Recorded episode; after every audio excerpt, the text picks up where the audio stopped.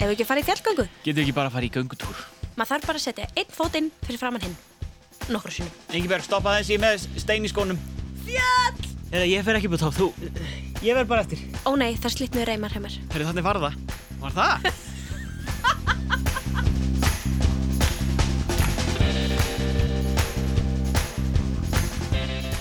Komið í sæl og verið velkomin í fjölskyldu og ferðarþáttinn Hvar erum við núna? Í þessum þáttum förum við yfir holt og hæðir, fræðumst um náttúruperlur með aðstóð ungra sérfræðinga og heimamanna, ferðumst fótgangandi, klifrandi, siglandi með veiðistöng, sofum í tjaldi og upplifum landið á ólíkan hátt. Á leiðinni styttum við okkur stundir með fyndnum, skemmtilegum og skrítnum fráðlegsmólum, förum í bílaleiki, hlustum á þjóðsögur og endum á æsispennandi spurningakeppni fyrir alla fjölskylduna. Ég heiti Ingi Björg. Og ég heiti Jóhannes. Jóhannes, Já. hvar erum við núna? Við erum í, í miðri fjallgöngu. Jó, við vorum að stíga út úr bílnum. Já, ég er bara, ég er ekki alveg í formi, sko. Ég, ég er líka að fá, ég, ég er harsberður, sko, eftir síðustu göngu. Hvað eru harspörur? Það, það er svona eh, krampi í vöðvonum eftir að maður notar, notar á mjög mikið. En, Já, þú meina, ef þú meina strengir. Já, eh, já, heimitt, það kallast strengir líka. En byrju, viltu hætta við? Nei, nei, Esen er ekki træðilega erfitt fjall, sko, við bara förum upp á steini. Já, heimitt, nei, nei, þetta er bara spurningum hérna, bara þjálfun og, og svo er þetta bara viljastyrkurinn, sko. Ég er líka með geggja nesti. Ok, En veist þú eitthvað um göngur? nei, eiginlega ekki. En, sko, ég veit um krakka sem veit allt um göngur og gönguferðir. Ég held að við ættum bara að heyri þeim. Göngu sérfræðingar þáttarins eru Guðrún Katrín, Ólífer Rapp og Baldur Karl.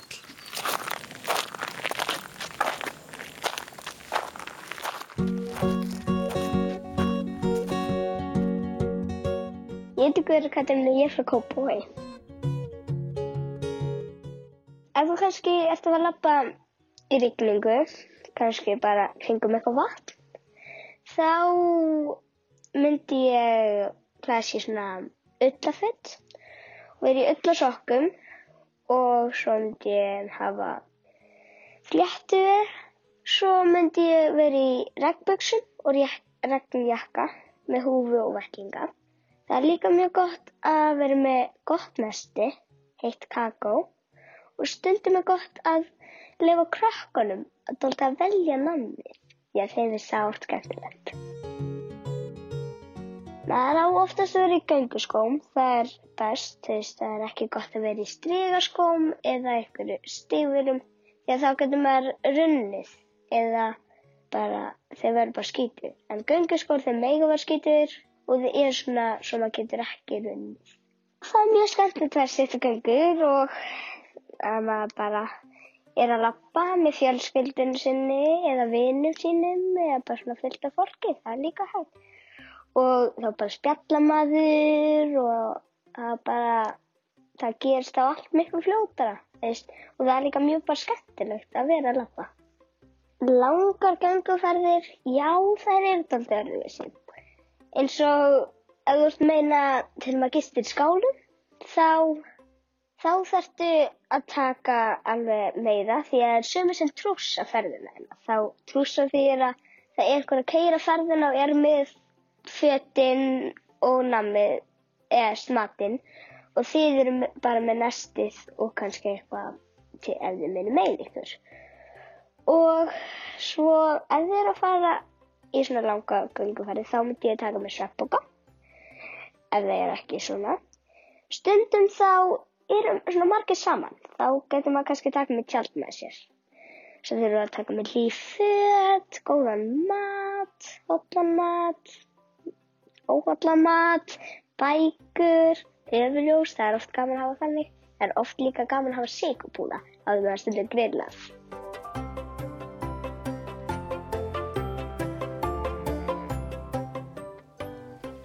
Ingibjörg, hafið þú heyrt þetta skrítna orð? Að trússa? Nei, en þetta er skemmtilegt orð. Það þýðir að einhver keirir með farangurinn á undan manni sem að þau ekki að bera hann. Já, einmitt. Og í gamla daga var það notað yfir það að binda í bakka á hest. Fólk fór oft í laung ferðalög yfir, yfir landið og þurfti að taka með sér mikinn farangur. Þá voru engin malbyggaðir vegir og hraðskreiðir bílar heldur voru hestar látnir ganga í lest með farangurinn. Ekkert skott og engin tengdamöfumboks á bílum. Nei, nei, nei, ekkert svoleiðis, bara hestur. Þarfast í þjóðnin. Það væri samt alveg fínt ef einhver myndi nenn að trúsa þennan farangur fyrir okkur. Já. En- heldur betur. Áfram gakk. Ég heiti Baldur og ég er týra og mér finnst rosa gaman að fyrir gangufyrir.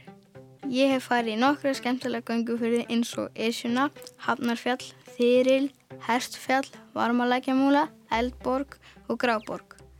Svo líka gangufyrir út á Kistuhöfða Kvanniri með skólanum. Ég veit eiginlega ekki hver eftirminnilegust. Kanski göngufyrin upp að Hengifoss með mömmu og vinum okkar. Hann er rétt hjá Egilstöðum og er næst hæst, hæsti foss Íslands. Hann er 128 metra hár.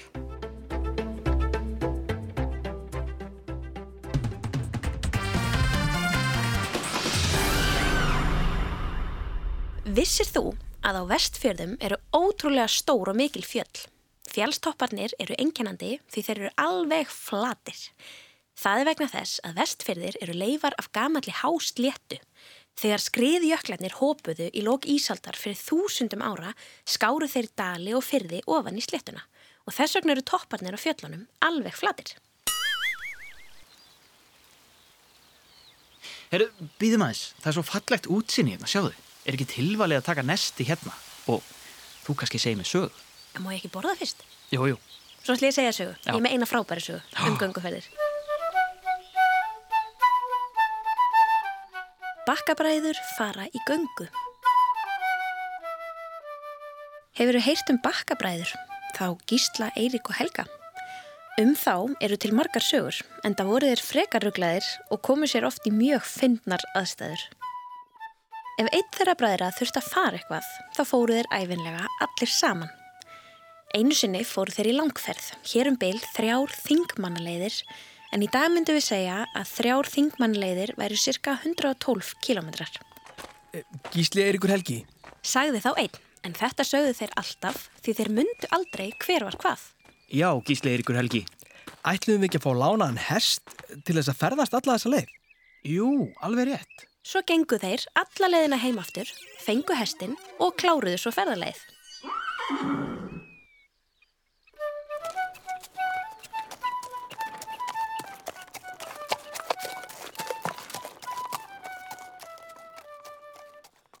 Í annað sinn þegar þeir voru ungir fóru þeir í göngu. Þegar þeir höfðu gengið lengi urðu þeir svo þreytir að þeir komist ekki lengra. Þeim til haps var heit laug nálagt og þeir ákvaðu að kvíla þreyttafætur með fótabæði. Þegar þeir höfðu tekið af sér sokka og skó og setið með fæturna ofin í lauginni í góða stund, áttuðu þeir sig á því að þeir þekktu ekki lengur sína eigin fætur frá fótum hinna. Þeir urðu alveg ráðalausir, þorðu ekki að reyfa sig því þeir voru svo hrættur um að taka vittlösa fætur með sér upp úr, svo þeir sátu svona þanga til annar ferðamaður komaði lauginni. Þeir kölluð á hann og báðu hann í guðspænum að hjálpa sér að þekka í sundur á sér fætuna. Maðurinn gekk til þeirra og sló með stafnum sínum í lappirnar á þeim og kannaðist þá hver við sínar fætur.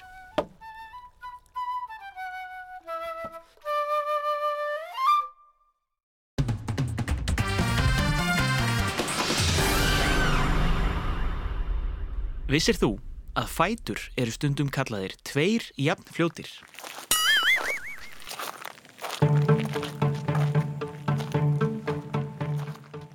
Ég heiti Ólífer Raffn, ég bý í Reykjavík, ég er 12 ára. Ég er sérfræðingur í gönguferðum því mér er bara gaman að lappa kannski í skóum eða í fjalli. Þá fæ ég hugmyndi til að teikna eftir. Um, það er róandi og skemmtilegt og heilbrygt að lappa í svona langa tíma, stuttan tíma, skiptir ekki. Uh, lengsta svona gönguferð sem ég farið í var öruglega fimmurhálsin þar sem ég lappaði í tvo daga. Þannig að hann er staðsettur á milli Eyjafjallajökull og Mýrdalsjökull svo bara eitt partun í göngunni. Þar sem er bara alveg slétt svo er önnur þar sem er bara frekar svona þunnur vegur eða ekki vegur sem er bara tvær klettalíðir beintu hliðina Það heitir Kattahryggurinn. Já, það var bara ótrúlega skemmtilegt að labba þar út að það kemur snjór, það er læku, eða það er meir á, það er svona skóar, alls konar grængi, maður sér geitur þarna og sumir segja að það eru óteljandi fossar. Reyna að telja fossana ef þið fara ánga.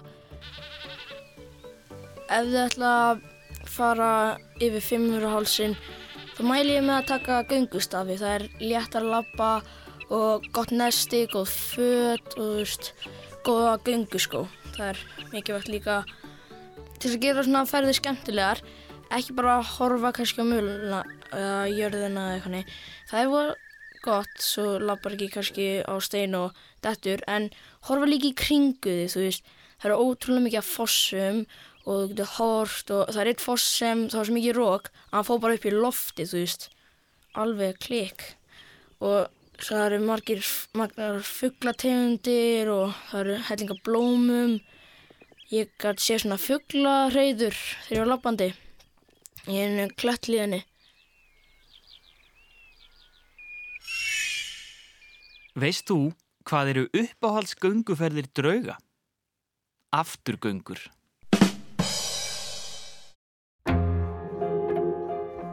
Presturinn sem gekk í svefni. Einn óþægilegasta gangan hlýtur að vera svefnganga. Fólk hefur lendið því að ranka við sér í förðulegustu aðstæðum vegna þess að líka minn tók stjórnina meðan það svaf og gekk með það út í buskan. En gæti verið að fólk gangi í svefni af því það hefur verið beitt göldrum. Hlustið á þessa sögu. Einu sinni var prestur. Hann var ekki giftur en var skotin í bóndadóttur í sveitinni. Bóndanum, pappinar, leist illa á það. Presturinn var nefnilega kallaður pókaprestur í sveitinni en það þýðir einfallega bara lélegur prestur. Einu sinni kom presturinn á heimili þeirra og bað bóndan að leifa sér að gista. Hann gerði það en var ekkert sérstaklega spenntur yfir þessari heimsókn og leifiði prestinum aldrei að umgangast dóttur sína, stelpuna sem hann var svo skotin í. Prestinum var vísa til rúms um nóttina. Þegar allir voru sopnaðir, lættist presturinn fram til að freysta þess að hitta bondadótturina. Þegar hann kom út úr herberginu sínu, viltist hann og fannst hann allt í einu vera komin út í þéttan skó. Hann sá þar fögur tré og mörg epli. Þau voru svo gyrnileg að hann klifraði upp í eitt tré og fór að kjamsa á epli. Á sama tíma átti bóndakonan leið fram í eldhús og sá hvar presturinn var búin að klifra upp í rjáfur og var að kjamsa á ráu kálvakjöti sem hjekk þar. Hvað í ósköpunum gengur hér á? Saði bóndakonan. Æ, afsakið, ég hlýta að hafa gengið í svefni. Viltu vera svo væna, segi ekki nokkur manni frá þessu. Sérstaklega ekki bóndanum. Saði presturinn skömmustilegur og fór aftur í herbergið sitt.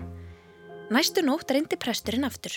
Nú skildi hann ekki villast, heldur finna bóndadóttur. Hann lagði af stað, en viti menn, hann viltist aftur og síndist hann vera komin í eyðimörk. Hann gekk lengi og allt í einu var eins og hann ditti onni kviksindi. Komið þá hundar og hrafnar og ætlaði að geta prestin lifandi.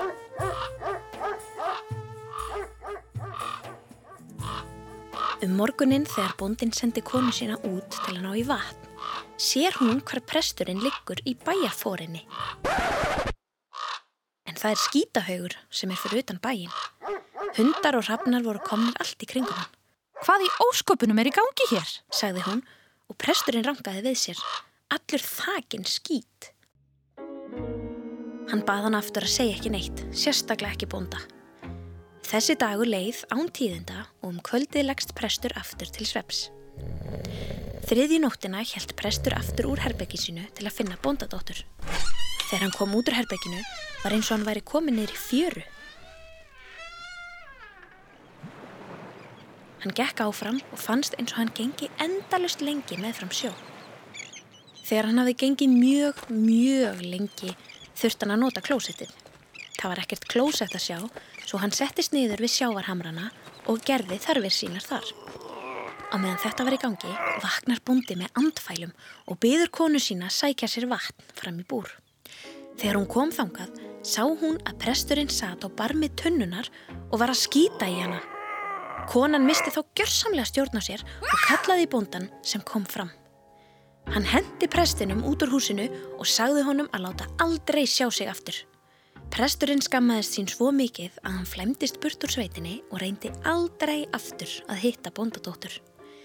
Sagan segir að bóndi hafi valdið þessum afdrifaríku sveppgöngum prestsins með göldrum.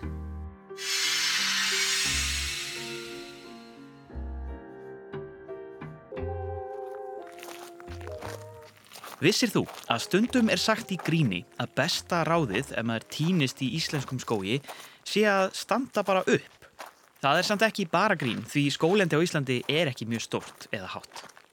Vissið þú að hæsti fjallstindur á Íslandi heitir Öræfa Jökull og er 2110 metra hár?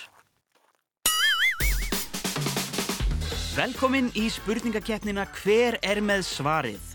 Við heyrum tíu spurningar sem tengjast þema þáttarins og hvert rétt svar gefur eitt stig. Sá sem fyrstur kallar rétta svarið fær stíð. Og við byrjum núna. Botnaðu þessa vísu.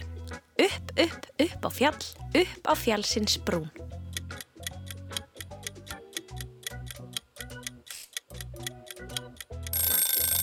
Niður, niður, niður, niður, alveg niður á tún. Ein frægasta gönguleið Íslands heitir Fimmvörðu háls. Ólífer Rapp, sérfræðingun okkar, talaði um þessa leið hérna áðan. Hluta leiðarinnar þarf að lappa eftir fjallshrygg sem heitir eftir ákveðnu dýri. Dýrið er loðið með lung veiðihár og sefur oftast allan daginn. Hvað heitir þessi hryggur?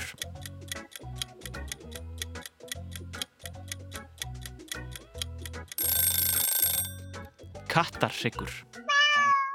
Guðrún Katrín hér áðan nefndi skrítið orð yfir það þegar fólk fer í göngur og aðrir fara á undan með farangurinn en göngufólkið tekur bara með sér smá nesti.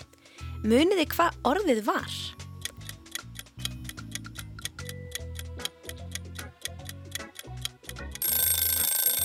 Trússa. Í sögunni um hérna óborganlegu bakkabræður var svo litið skrítið atvik við heita laug. Hvað settu þeir ofan í laugina sem þeir þekktu síðan ekki í sundur?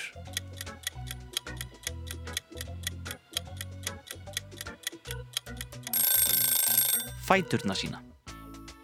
Og meira um bakkabræður. Þeir lögðu eitt sinn upp í langferð en snýru við þegar þeir voru næstum komnir á leiðarenda. Hvað fóru þeir að sækja?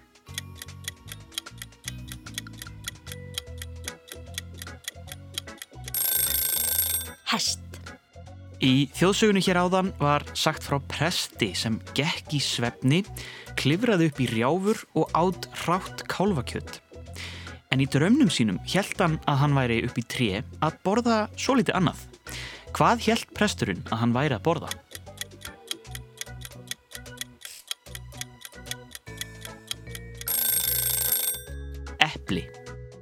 Hvaða þekta gönguleið á milli landmannalauga og þórsmerkur heitir sama nafni og þekktasta verslunargatan í miðbæ Reykjavíkur?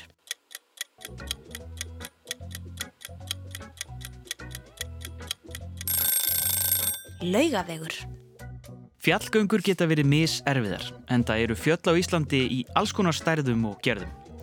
En hvað er það allra hæsta 2110 metra hátt?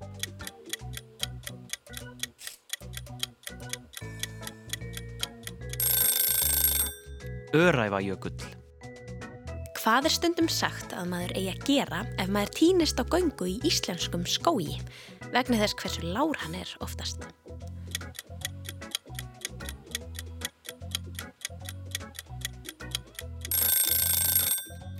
Nú, bara standa upp. Þegar gengið er upp Esjuna stoppa margir við sérmertan stað næstum því á toppi fjallsins. Hvað heitir hann?